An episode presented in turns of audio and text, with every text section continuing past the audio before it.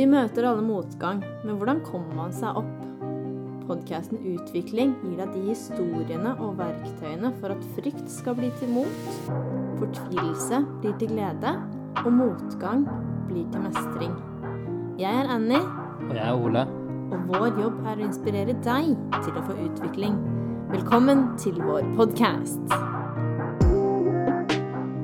Vi skal eh, snakke litt om eh, hva vi skal ønsker å gjøre med podkasten. Men først vil jeg egentlig introdusere meg selv. Jeg heter Ole. Jeg jobber som personlig trener på EVO Nydalen. Og jeg heter Anne Marie. De fleste kaller meg Annie. Og jeg jobber som personlig trener på EVO Grünerløkka. Så vi er eh, noen personer som er egentlig veldig glad i utvikling. Ja. Og vi er interessert i hva dere vil like også. Så det vi tenker å snakke om, vi tenker å møte personer med ulike historier om mestring og utvikling og i ulike situasjoner i livet sitt. Og de som har vært et vendepunkt for dem, da. Vi vil også gå gjennom litt konkrete teknikker på hvordan du kan trene deg selv til å holde fokus på utvikling når du trenger å komme deg opp igjen. Så vi tenkte å bare begynne litt med en smakebit. Du har en historie om f.eks. litt vendepunkt for deg. Eh, ja.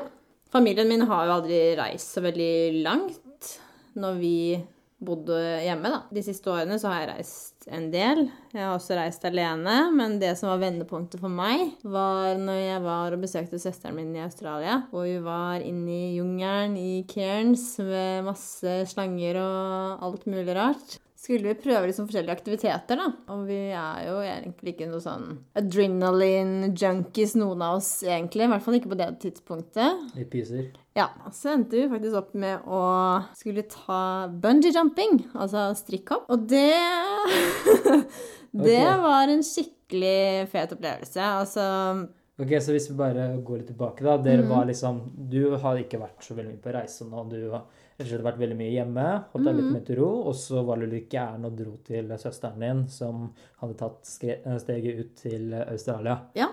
Og så skulle du prøve på strikkhopp. Ja. Ja. Det er første gangen du skal gjøre det. Ja, første gangen. Oi. Det var ikke sånn veldig, veldig høyt, men høyt nok. Jeg tror det var sånn 50-60 meter eller noe sånt nå. Og den følelsen når du står oppi der, og du har bare en strikk rundt beina som skal holde deg oppe, og så skal du bare hoppe rett ut. Altså, jeg hadde jo egentlig bestemt meg for å ikke skrike. Jeg skulle egentlig bare holde kjeft når jeg hoppa. Det var bare å glemme, for å si det sånn.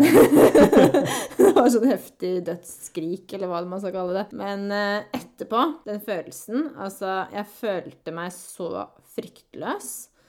Så det har absolutt vært den tingen som jeg har tenkt tilbake til på at hvis jeg greier det her, så mestrer jeg alt. Du var redd for høydene?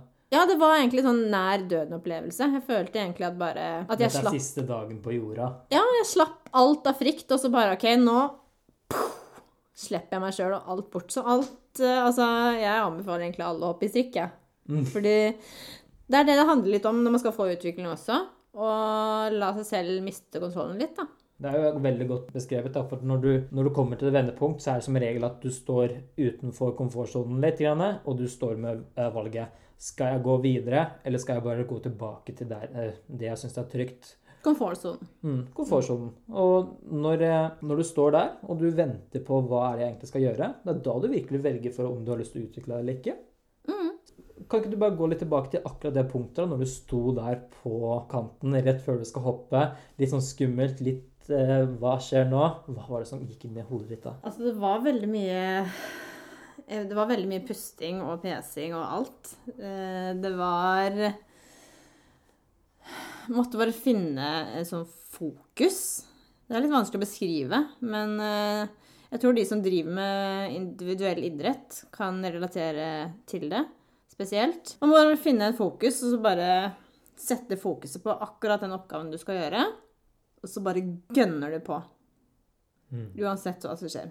Ryker den strikken, så ryker den strikken. Sånn er det. Men Mm. eh, det gjorde jo ikke det. Nei? Og eh, mest sannsynlig så går det veldig bra på det meste man prøver også. Mm. Og det å faktisk være tøff nok til å gjøre det, da. Være tøff nok til å gå og spørre han fyren som står i baren, eller eh, hun jenta som løper på tredemølla, eller si hei på Tinder, eksempel. Ja. Det tar første steg og be ut. Mm.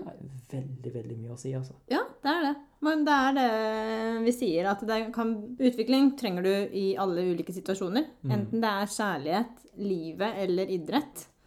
Mm. Og det er veldig viktig. Det er veldig riktig. Sånn, og det her er litt noe av de tingene vi har lyst til å snakke litt mer om. Og eh, hvis du har noen temaer du har lyst til å snakke om, så gjerne send oss en melding. Vi legger med sosiale medier på oss. Det er jo deg, er jo Animal. Mm. Og jeg er Ole Burås. Og du finner oss på Instagram og eh, faktisk YouTube, men kanskje ikke så mye. LinkedIn og Facebook. Vi kommer til å legge alle linkene nederst eh, her. Ja, Så bare gled deg. Vi gleder oss veldig. En liten albue. Koronatider.